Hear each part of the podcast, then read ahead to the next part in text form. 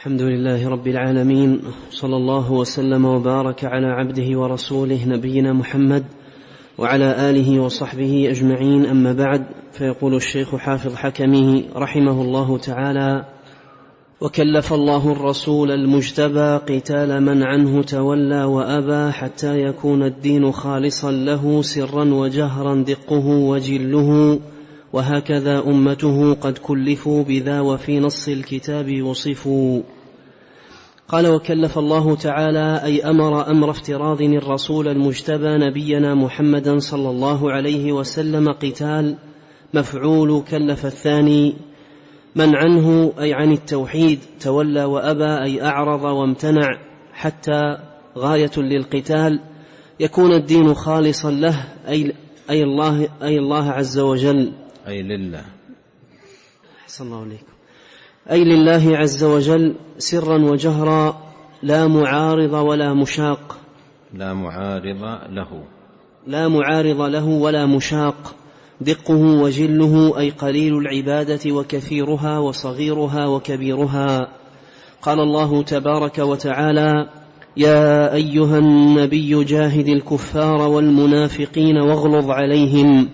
الآية وقال تعالى فقاتل في سبيل الله لا تكلف إلا نفسك وحرض المؤمنين.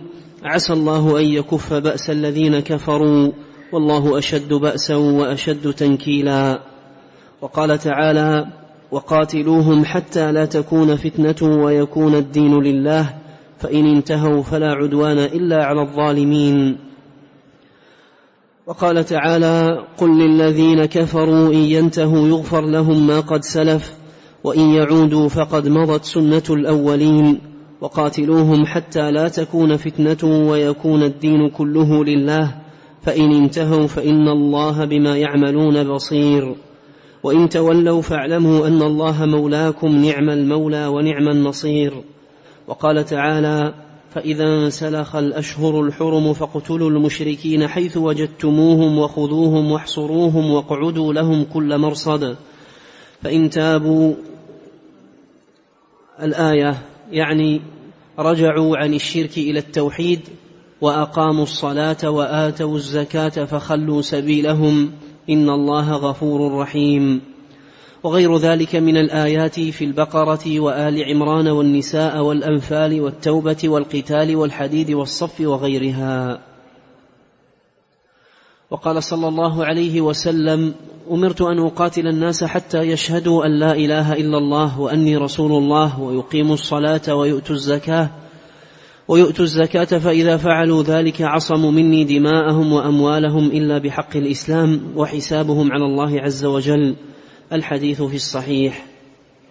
ولو ذهبنا نذكر آيات الجهاد وأحاديثه لطال الفصل وليس هذا موضع بسطها.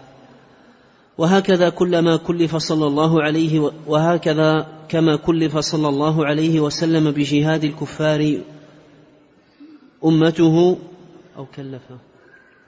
البيت هذا. وهكذا كما كلف صلى الله عليه وسلم بجهاد الكفار أمته المستجيبون له قد كلفوا بذا أي الذي كلف به وفي نص الكتاب القرآن وصفوا أي بذلك كما قال تعالى محمد رسول الله والذين معه أشداء على الكفار رحماء بينهم تراهم ركعا سجدا. الآية وقال تعالى يا أيها الذين آمنوا من يرتد منكم عن دينه فسوف يأتي الله بقوم يحبهم ويحبونه. أذلة على المؤمنين أعزة على الكافرين يجاهدون في سبيل الله ولا يخافون لومة لائم. والآيات قبلها وبعدها. ولم ولو لم يكن في ذلك إلا قول ربي عز وجل ان الله اشترى من المؤمنين انفسهم واموالهم بان لهم الجنه يقاتلون في سبيل الله فيقتلون فيقتلون ويقتلون وعدا عليه حقا في التوراه والانجيل والقران ومن اوفى بعهده من الله فاستبشروا ببيعكم الذي بايعتم به وذلك هو الفوز العظيم لكانت هذه الآية كافية في نعش القلوب وتهييج النفوس وتشويقها وحملها على تلك البيعة الرابحة التي لا خط التي لا خطر لها ولا يحاط ب التي لا خطر لها ولا يحاط بعظم فضلها. والله المستعان. بسم الله الرحمن الرحيم. الحمد لله رب العالمين. وأشهد أن لا إله إلا الله وحده لا شريك له وأشهد أن محمدا عبده ورسوله صلى الله وسلم عليه وعلى آله وأصحابه أجمعين. اللهم علمنا ما ينفعنا وانفعنا بما علمتنا وزدنا علما وأصلح لنا شأننا كله ولا تكلنا إلى أنفسنا طرفة عين.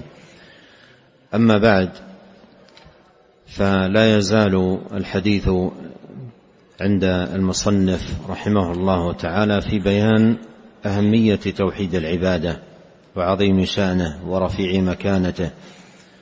وقد نوع رحمه الله تعالى الدلائل في بيان عظم شأن هذا التوحيد ومكانته العلية.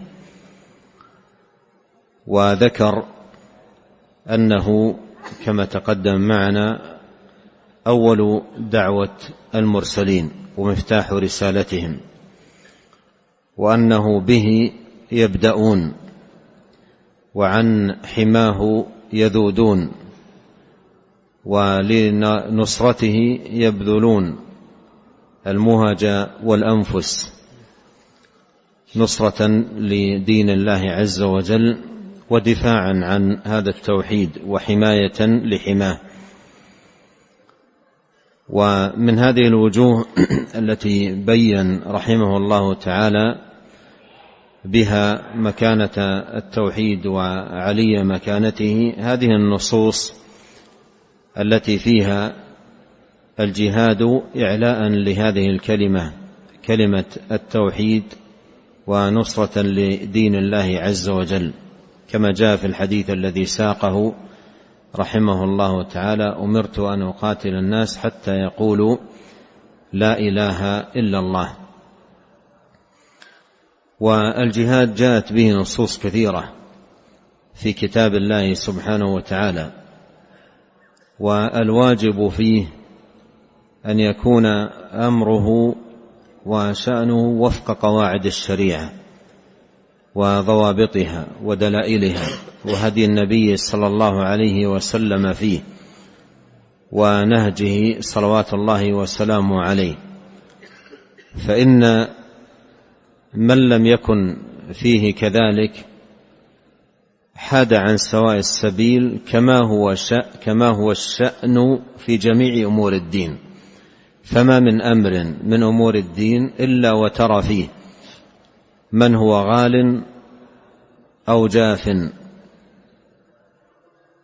والناس بين مفرط ومفرط والحق قوام بين ذلك والقوام هو الوسط والوسط هو الاتباع واللزوم لهدي النبي الكريم صلوات الله وسلامه عليه.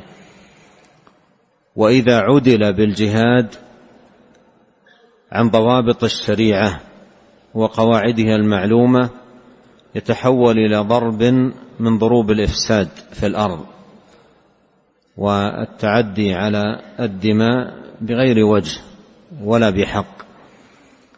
ولهذا فإن له ضوابطه التي تعلم من كتاب الله جل وعلا وسنة نبيه صلوات الله وسلامه عليه. وكما أن المرء لا ينبغي له أن يأتي بالعبادات مثل الصلاة والحج والصيام إلا بعلم بحيث تكون أعماله فيه وفق الهدي فكذلك الجهاد.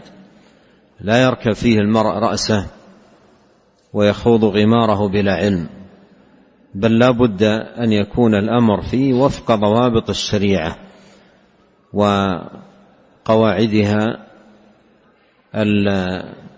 المبينة للنهج الذي يكون فيه ومتى يكون وكيف يكون وبأي وسيلة وما شروطه وما ضوابطه إلى غير ذلك من الأمور التي سبيل العلم بها مطالعة كتب العلم والإفادة من ما كتبه العلماء رحمه رحمهم الله من فقه في في هذا الباب. نعم. قال رحمه الله تعالى وقد حاوته لفظة الشهادة فهي سبيل الفوز والسعادة من قالها معتقدا معناها وكان عاملا بمقتضاها في القول والفعل ومات مؤمنا يبعث يوم الحشر ناج آمنا.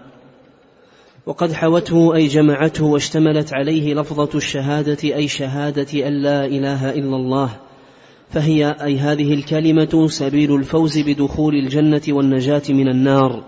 قال الله عز وجل فمن زحزح عن النار وأدخل الجنة فقد فاز. وهي سبيل السعادة. وهي سبيل السعادة في الدارين أي طريقهما لا وصول إليهما إلا بهذه الكلمة. فهذه الكلمة التي أرسل الله بها رسله وأنزل بها كتبه ولأجلها خلقت الدنيا والآخرة والجنة والنار وفي شأنها تكون الشقاوة والسعادة وبها تؤخذ الكتب باليمين أو الشمال ويثقل الميزان أو يخف وبها النجاة من النار بعد الورود وبعدم التزامها البقاء في النار وبها أخذ وبها أخذ الله أعد وهي سبيل السعادة في الدارين. قال رحمه الله تعالى وهي سبيل السعادة في الدارين أي طريقهما لا وصول إليهما إلا بهذه الكلمة فهي الكلمة التي أرسل الله بها رسله وأنزل بها كتبه ولأجلها خلقت الدنيا والآخرة والجنة والنار وفي شأنها تكون الشقاوة والسعادة وبها تؤخذ الكتب باليمين أو الشمال ويثقل الميزان أو يخف وبها النجاة من النار بعد الورود وبعدم التزامها البقاء في النار وبها أخذ الله الميثاق وعليها الجزاء والمحاسبة. وعنها السؤال يوم التلاق إذ يقول تعالى فوربك لنسألنهم أجمعين عما كانوا يعملون. وقال تعالى فلنسألن الذين أرسل إليهم ولنسألن المرسلين. فأما سؤاله تعالى الذين أرسل إليهم يوم القيامة فمنه قوله تعالى ويوم يناديهم فيقول ماذا أجبتم المرسلين والآيات قبلها وبعدها وغير ذلك. وأما سؤاله المرسلين فمنه قوله تعالى يوم يجمع الله الرسل فيقول ماذا أجبتم؟ قالوا لا علم لنا إنك أنت علام الغيوب وغير ذلك من الآيات. يقول رحمه الله تعالى وقد حوته أي التوحيد لفظة الشهادة أي كلمة لا إله إلا الله. ولهذا يقال لهذه الكلمة العظيمة التي هي أعظم الكلمات وأفضل الذكر يقال لها كلمة التوحيد لأنها حوت التوحيد لأنها حوت التوحيد فالتوحيد هو لا إله إلا الله. تحقيقا لها وقياما بما تقتضيه وهي قائمة على ركنين نفي وإثبات. نفي للعبودية عن كل من سوى الله وإثبات العبودية بكل معانيها لله وحده. أولها نفي عام وآخرها نفي خاص. وآخرها إثبات خاص. أولها نفي عام لا إله نفي للعبودية عن كل من سوى الله. لا يستثنى أحد. لا ملك مقرب ولا نبي مرسل ولا ولي من الأولياء فضلا عن غيرهم. وآخرها إثبات خاص. إلا الله. إثبات خاص أي للعبودية بكل صورها وجميع أنواعها لله وحده لا شريك له. فهذا هو التوحيد. التوحيد لا يكون إلا بهذين الركنين النفي والإثبات. لا يكون المرء موحدا إلا بهما. بأن يعبد الله ولا يعبد غيره. إنني براء مما تعبدون إلا الذي فطرني. هذا هو التوحيد. اعبدوا الله ولا تشركوا به شيئا. وقضى ربك ألا تعبدوا إلا إياه. هذا هو توحيد الله جل وعلا. فكلمة لا إله إلا الله حوت التوحيد. وهذا مدلولها ومفهومها. ولهذا العرب المشركين الذين لما خاطبهم النبي عليه الصلاة والسلام بهذه الكلمة قولوا لا إله إلا الله تفلحوا. جوابهم عن ذلك قالوا أجعل الآلهة إلها واحدا؟ إن هذا لشيء عجاب. إن هذا لشيء عجاب.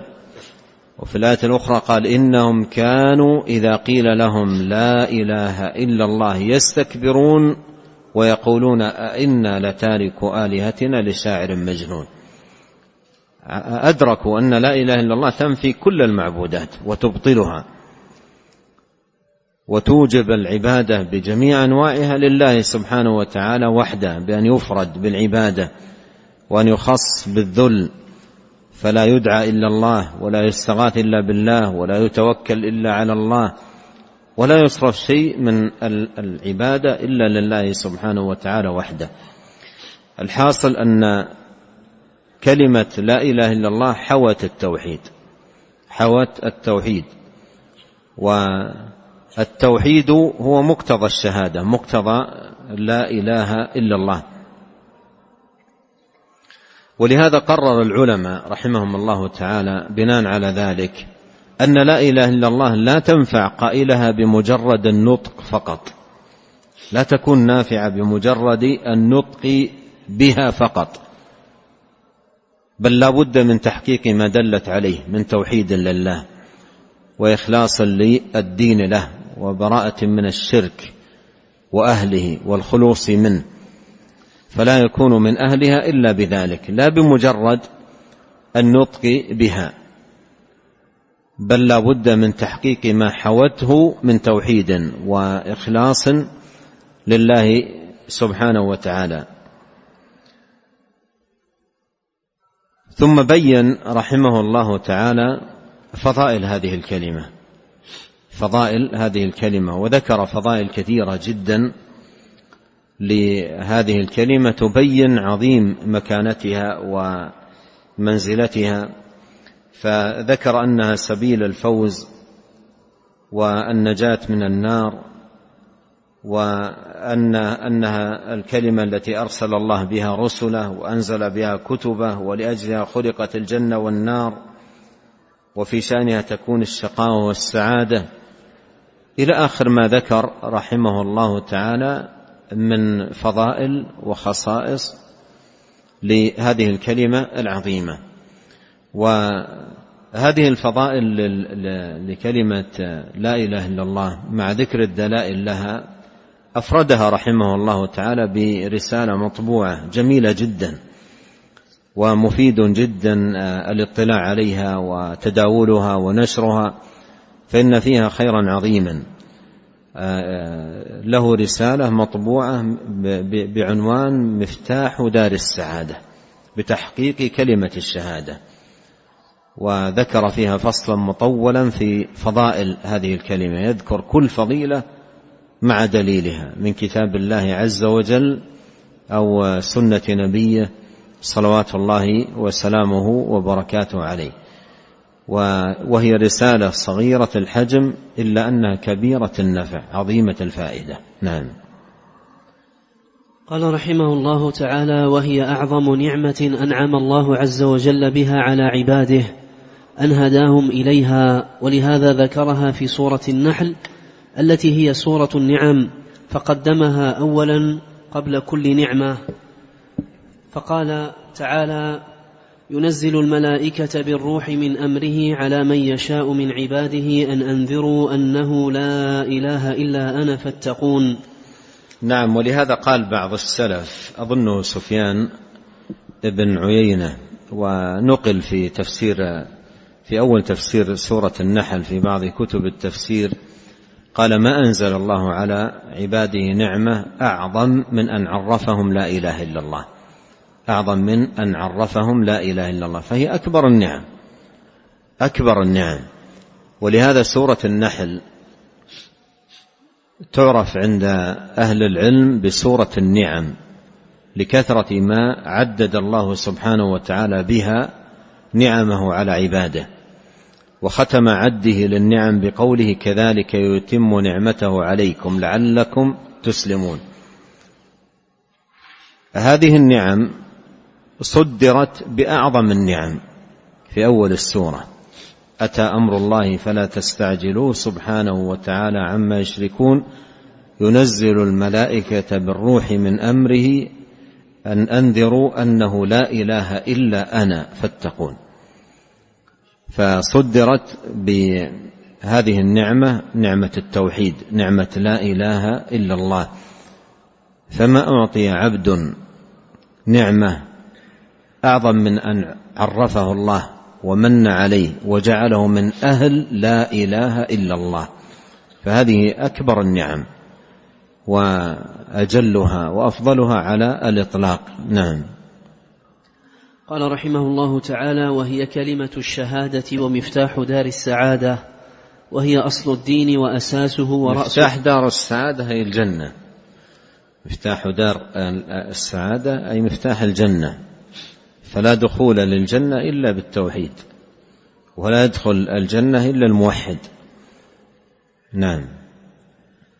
قال رحمه الله تعالى وهي أصل الدين وأساسه ورأس أمره وساق شجرته وعمود فسطاطه وبقية أركان الدين وفرائضه متفرعة عنها متشعبة منها مكملات لها مقيدة بالالتزام بالتزام معناها والعمل بمقتضاها. مثل ما جاء في الآية في سورة إبراهيم ألم تر كيف ضرب الله مثلا كلمة طيبة كشجرة طيبة؟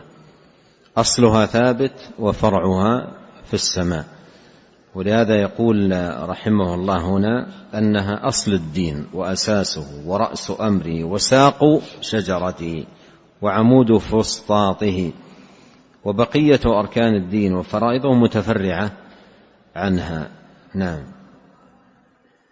قال رحمه الله تعالى فهي العروة الوثقى التي قال وقوله مقيدة بالتزام معناها والعمل بمقتضاها هذا فيه التنبيه أن أعمال الدين كلها لا تقبل إلا بلا إله إلا الله تحقيقا لها. فإن لم يحقق العبد لا إله إلا الله لا تقبل منه أعماله لأن قبول الأعمال مقيد بوجود التوحيد. فإذا انتفى التوحيد بطل العمل وفسد. نعم. قال رحمه الله تعالى فهي العروة الوثقى التي قال الله عز وجل فمن يكفر بالطاغوت ويؤمن بالله فقد استمسك بالعروة الوثقى لا انفصام لها. نعم. قاله سعد. هذه الآية تعقب آية الكرسي آية التوحيد أعظم آيات القرآن. فعقب آية الكرسي قال الله سبحانه وتعالى فمن يكفر بالطاغوت ويؤمن بالله. هذا هو مدلول لا إله إلا الله. كفر بالطاغوت وإيمان بالله. فقد استمسك بالعروة الوثقى أي بلا إله إلا الله. قاله قاله سعيد بن جبير والضحاك وهي العهد الذي ذكر الله عز وجل إذ يقول لا يملكون الشفاعة إلا من اتخذ عند الرحمن عهدا قال ذلك عبد الله بن عباس رضي الله عنهما. قال هو شهادة أن لا إله إلا الله والبراءة من الحول والقوة إلا بالله وألا يرجو إلا الله عز وجل وهي الحسنى التي قال الله عز وجل فأم فأما من أعطى واتقى وصدق بالحسنى فسنيسره لليسرى. الآيات قاله أبو عبد الرحمن السلمي والضحاك ورواه عطية عن ابن عباس رضي الله عنهما. وهي كلمة الحق التي ذكر الله عز وجل إذ يقول تعالى إلا من شهد بالحق وهم يعلمون. ودعوة الحق أيضا التي ذكر الله بقوله له دعوة الحق. نعم.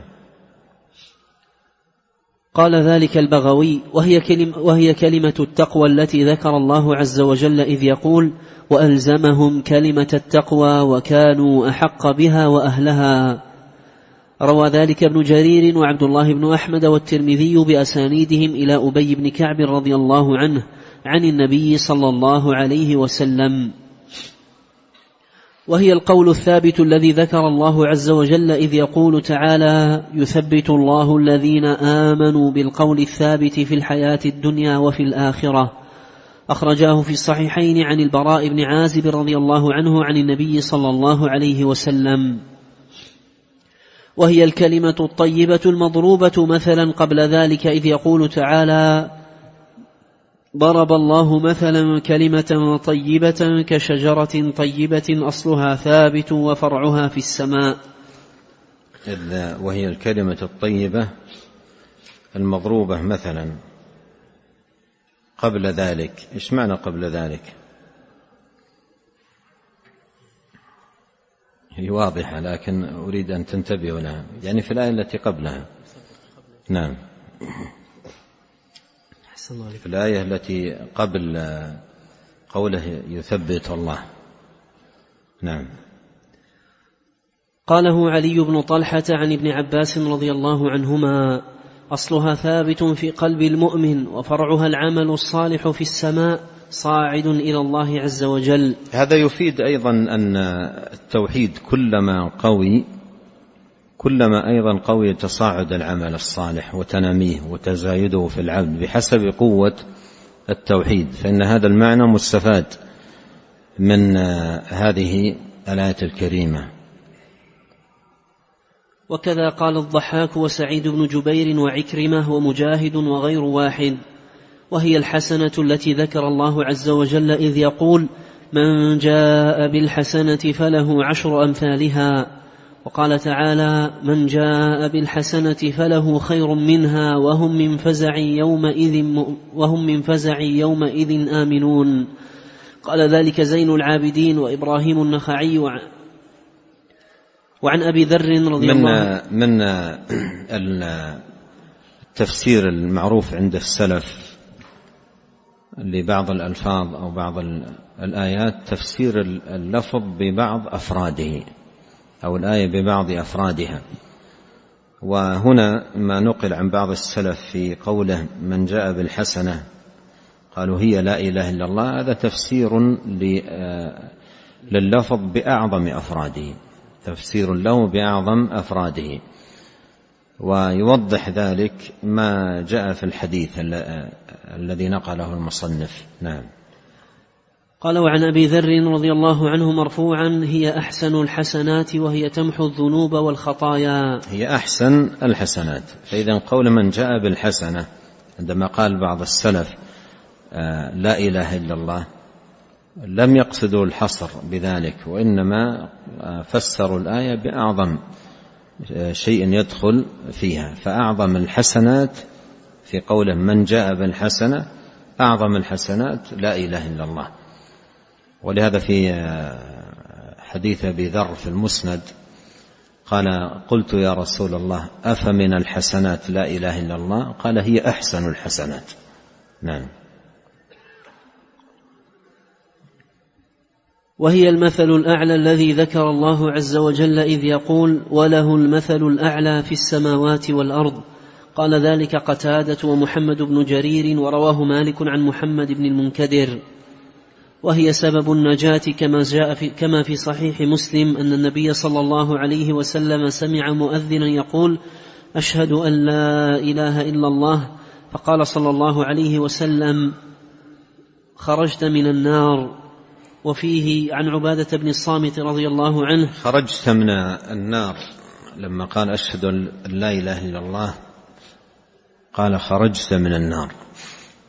هذا في حق المؤذن. فانظر عظم شأن كلمات الأذان وأهمية العناية بها. حتى من يسمع المؤذن يستحب له أن يتوقف عن الحديث وحتى لو كان يقرأ القرآن. حتى لو كان يقرأ القرآن يستحب له أن يتوقف عن قراءة القرآن مع أن القرآن أفضل الذكر. و يستمع المؤذن ويقول مثل ما يقول. قد جاء في الحديث أنه إذا قال المؤذن الله أكبر الله أكبر فقال العبد الله أكبر الله أكبر.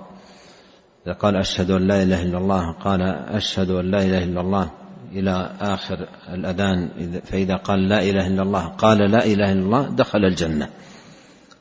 دخل الجنة. فالاستماع للأذان وأن يقول العبد مثل ما يقول المؤذن فيه ثواب عظيم هذا من جهة وفيه أثر عظيم على العبد في تعظيم الصلاة والإحسان في إقامتها والخشوع فيها. نعم. قال رحمه الله تعالى وفيه عن عبادة بن الصامت رضي الله عنه قال سمعت رسول الله صلى الله عليه وسلم يقول من شهد أن لا إله إلا الله وأن محمد رسول الله حرم الله عليه النار وفي حديث الشفاعة الآتي إن شاء الله تعالى أخرجوا من النار من قال لا إله إلا الله وكان في قلبه مثقال ذرة من إيمان يا قول المصنف وهي سبب النجاة ثم سوقه لهذا هذه الأحاديث مختوما بحديث أخرجوا من النار. يدل على أن النجاة التي تترتب على لا إله إلا الله نوعان. نجاة من الدخول والنوع الثاني نجاة من الخلود. نجاة من الدخول إذا حقق لا إله إلا الله وتممها وكملها. فتكون نجاة له من الدخول. فإذا حقق التوحيد دخل الجنة بدون حساب ولا عذاب. وأما إذا كان من أهل لا إله إلا الله وعنده من الذنوب وموجبات دخول النار فإن لا إله إلا الله تكون نجاة له من الخلود. تكون نجاة له من الخلود. كما في هذا الحديث. أخرجوا من النار. لا إله من قال لا إله إلا الله. نعم. قال رحمه الله تعالى وهي سبب دخول الجنة كما في الصحيحين عن عبادة بن الصامت رضي الله عنه. قال قال رسول الله صلى الله عليه وسلم من قال أشهد أن لا إله إلا الله وحده لا شريك له وأن محمدا عبده ورسوله وأن عيسى عبد الله وأن عيسى عبد الله وابن أمته وكلمته ألقاها إلى مريم وروح منه وأن الجنة حق وأن النار حق. أدخله الله الجنة من أي أبواب الجنة الثمانية شاء. وفي رواية أدخله الله الجنة على ما كان من عمل. وهي أفضل ما ذكر الله عز وجل به وأثقل شيء في ميزان العبد يوم القيامة كما في المسند. عن عبد الله بن عمرو رضي الله عنهما عن النبي صلى الله عليه وسلم أن نوحا عليه السلام قال لابنه عند موته آمرك بلا إله إلا الله فإن السماوات السبع والأرضين السبع لو وضعن في كفة ووضعت لا إله إلا الله في كفة لرجحت بهن لا إله إلا الله. ولو أن السماوات السبع والأرضين السبع كل كل حلقة كل حلقة مبهمة لفصمتهن. ولو أن ولو أن السماوات السبع والأرضين السبع كل حلقة مبهمة لفصمتهن لا إله إلا الله. وفيه عنه أيضا عن النبي صلى الله عليه وسلم. تراجع كان يذكر أن لفظها كنا حلقة. لعلها تراجع. أحسن الله عليك.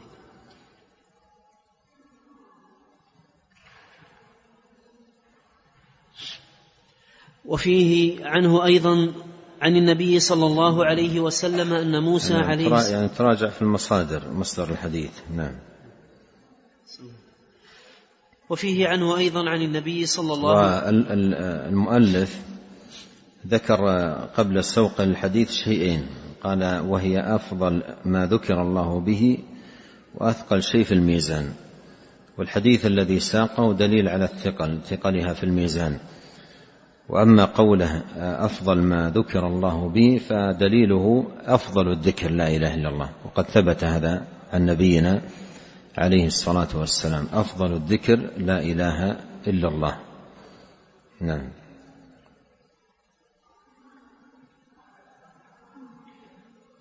قال رحمه الله تعالى وفيه عنه أيضا عن النبي صلى الله عليه وسلم. فيه أي المسند؟ نعم. أحسن الله عليك. عنه أي عبد الله بن عمرو. نعم. وفيه عنه أيضا عن النبي صلى الله عليه وسلم أن موسى عليه الصلاة والسلام قال يا رب علمني شيئا أذكرك وأدعوك به. قال يا موسى قل لا إله إلا الله. قال موسى يا رب كل عبادك يقولون هذا. قال يا موسى قل لا إله إلا الله. قال لا إله إلا الله. إنما أريد شيئا تخصني به. قال يا موسى لو أن السماوات السبع والارضين السبع وعامرهن غيري وعامرهن غيري في كفة ولا إله إلا الله في كفة مالت بهن لا إله إلا الله. نعم يعني آه، هذا الحديث والذي قبله فيه من من فضائل لا إله إلا الله عظم ثقلها في الميزان وأنها أثقل شيء في الميزان يوم القيامة. نعم. وفي الترمذي والنسائي وفي المسند عن عبد الله بن عمرو بن العاص. عندنا والنسائي في المسند. ما لا لعل الواو الساقطة. حتى عندي أنا كذلك.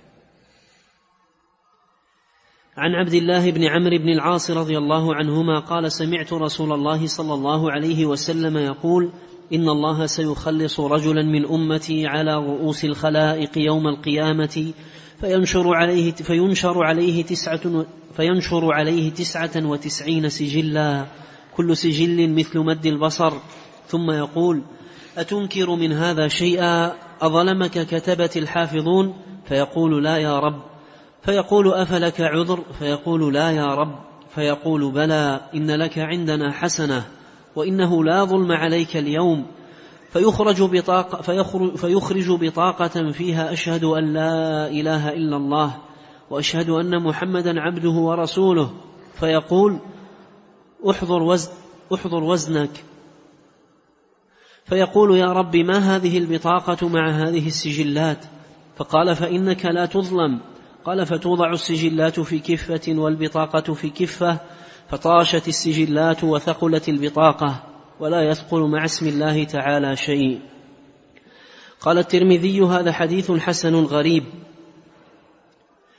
وهي التي لا يحجبها شيء دون الله عز وجل كما في الترمذي عن عبد الله بن عمرو رضي الله عنهما قال لا إله إلا الله ليس لها دون الله حجاب حتى تصل إليه. وفيه أيضا عن أبي هريرة رضي الله عنه عن النبي صلى الله عليه وسلم أنه قال ما من عبد قال لا إله إلا الله مخلصا إلا فتحت لها أبواب السماء حتى تفضي إلى العرش. وهي الأمان من وحشة القبور وهول الحشر كما في المسند وغيره عن النبي صلى الله عليه وسلم قال ليس على, ليس على أهل لا إله إلا الله وحشة في قبورهم. إلا الله. ليس على أهل لا إله إلا الله وحش وحشة في قبورهم ولا في نشورهم. وكأني بأهل لا إله إلا الله. وقد قاموا ينفضون التراب عن رؤوسهم يقولون الحمد لله الذي أذهب عنا الحزن. واعلم أن النصوص الواردة في فضل هذه الشهادة كثيرة لا يحاط بها وفيما ذكرنا كفاية. وسنذكر إن شاء الله تعالى عند ذكر شروطها ما تيسر من نصوص الكتاب والسنة. ويكفيك في فضل لا إله إلا الله إخبار النبي صلى الله عليه وسلم أنها أعلى جميع أعلى جميع شعب الإيمان. كما في الصحيحين عن أبي هريرة رضي الله عنه قال قال رسول الله صلى الله عليه وسلم الإيمان بضع وسبعون أو بضع وستون شعبة فأفضلها قول لا إله إلا الله وأدناها إماطة الأذى عن الطريق الحديث وهذا لفظ مسلم. نعم. قال من قالها أي قال هذه الكلمة حال كونه معتقدا أي عالما ومتيقنا معناها الذي دلت عليه نفيا وإثباتا وكان مع ذلك عاملا بمقتضاها على وفق ما علمه على وفق ما علمه منها وتيقنه فإن ثمرة العلم العمل به في القول أي قول القلب واللسان والفعل أي عمل القلب واللسان والجوارح. قال الله عز وجل يا أيها الذين آمنوا لم تقولون ما لا تفعلون؟ كبر مقتا عند الله أن تقولوا ما لا تفعلون. ومات مؤمنا أي على ذلك وهذا شرط لا بد منه فإنما الأعمال بالخواتيم. قال صلى الله عليه وسلم ما من عبد قال لا إله إلا الله ثم مات على ذلك إلا دخل الجنة. الحديث في الصحيحين عن أبي ذر بطوله. مراد المصنف بهذا التنبيه على أن الفضائل المتقدمة مما ذكر فضائل لا إله إلا الله ومما لم يذكر إنما تنال بهذا القيد الذي ذكر رحمه الله وهو أن يقولها معتقدا معناها عالما بمدلولها عاملا بما تقتضيه فإنه بذلك يكون من من أهلها وينال ما ما ما وينال ما لهذه الكلمة من فضائل عظيمة. جاء ذكرها في كتاب الله وسنة نبيه صلى الله عليه وسلم. نعم. قال يبعث يوم الحشر أي يوم الجمع ناج من النار آمنا من فزع يوم القيامة. كما قال تعالى إن الذين سبقت لهم منا الحسنى أولئك عنها مبعدون. لا يسمعون حسيسها وهم فيما اشتهت أنفسهم خالدون. لا يحزنهم الفزع الأكبر وتتلقاهم الملائكة هذا يومكم الذي كنتم توعدون. وقال تعالى الضمير في قوله إن الذين سبقت لهم منا الحسنى أولئك عنها. الضمير في عنها عاد في لما ورد قبلها قول إنكم وما تعبدون من دون الله حصب جهنم. ثم قال إن الذين سبقت لهم منا الحسنى أولئك عنها مبعدون. وقال تعالى من جاء بالحسنة فله أحيانا بعض بعض الأئمة في القراءة في الصلاة يبدأ بقوله إن الذين سبقت لهم منا الحسنى أولئك عنها ويكون الضمير عائدا على شيء لا يكون المستمع حاضرا عنده في ذهنه. ولهذا الأولى أن يبدأ بما قبلها. نعم. حتى يكون المعنى متكاملا ويكون لوحظ تكامل المعنى. نعم. أحسن الله عليكم. قال رحمه الله تعالى وقال تعالى من جاء بالحسنة فله خير منها وهم من فزع يومئذ آمنون. نعم هذه هذه الآن يعني فضائل عديدة ذكرها رحمه الله تعالى وتوسع فيها في الكتاب الذي أشرت إليه. ونسأل الله عز وجل أن يجعلنا أجمعين من المحققين للا إله إلا الله وأن يحيينا عليها وأن يميتنا عليها وأن يصلح لنا شأننا كله وأن لا يكلنا إلى أنفسنا طرفة عين وأن يغفر لنا ولوالدينا ولمشايخنا ولولاة أمرنا وللمسلمين والمسلمات والمؤمنين والمؤمنات الأحياء منهم والأموات. ونسأل الله جل في علاه أن يعيدنا والمسلمين أينما كانوا من الفتن ما ظهر منها وما بطن وأن يمن علينا بالأمن والإيمان والسلامة والإسلام والمعافاة بمنه وكرمه. إنه سميع الدعاء وهو أهل الرجاء وهو حسبنا ونعم الوكيل. سبحانك اللهم وبحمدك أشهد أن لا إله إلا أنت. أستغفرك وأتوب إليك. اللهم صل وسلم على عبدك ورسولك نبينا محمد وآله وصحبه. جزاكم الله خيرا.